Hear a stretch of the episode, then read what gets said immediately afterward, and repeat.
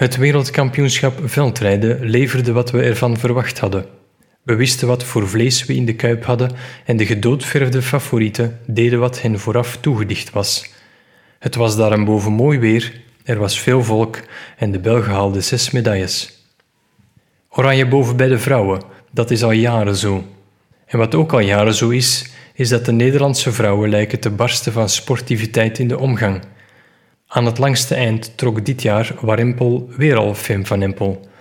Puk Pietersen, haar grootste concurrent afgelopen winter, en net zoals Van Empel een jonkie van 20, bolde als tweede over de streep en kwam de winnares meteen enthousiast omhelzen.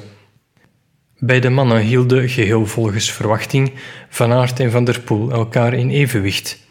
Het veldrijden is een sport in grote groep, maar toch werd het het verwachte duel waarbij de beste in eigen huis mocht winnen.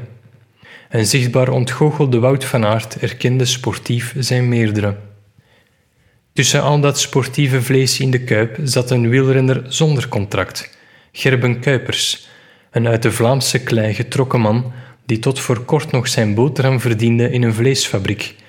Een amateur in de ware zin van het woord. Je moet wel een liefhebber van de sport zijn om voor en na je uren bij de vleesmolen nog trainingsrondjes te malen. Gerbe Kuipers draait al jaren mee in het veldritwereldje, maar behoorde nooit tot de namen die je in het oog moest houden. Tot hij afgelopen jaar op zijn 22e boven water is komen drijven. Hij won enkele veldritmansjes in Frankrijk en eentje in Essen. Op het Belgisch kampioenschap werd hij vijfde bij de profs en schreef daarmee in één beweging het WK voor elite zonder contract op zijn naam. Dat mooie palmares bracht bondscoach van Toernout tot de beslissing hem mee te nemen naar het WK. Gerben Kuipers toonde de wereld wat voor vlees hij aan die grote kuip toevoegt en werd verdienstelijk zesde. Hij staat te pronken tussen gevestigde namen als Iserbiet, Van der Haar, Van Toerenhout en Zweek. Mannen met een profcontract die wereldbekers, landentitels en Europese titels op hun naam hebben staan. Het is dan ook niet meer dan logisch dat Kuipers zich binnenkort elite met contract mag noemen.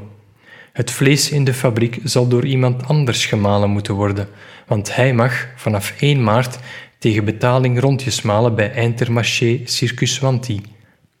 Zo'n kleine verrassing in een WK zonder verrassingen toont dat je toch nooit helemaal weet wat voor vlees je in de kuip hebt.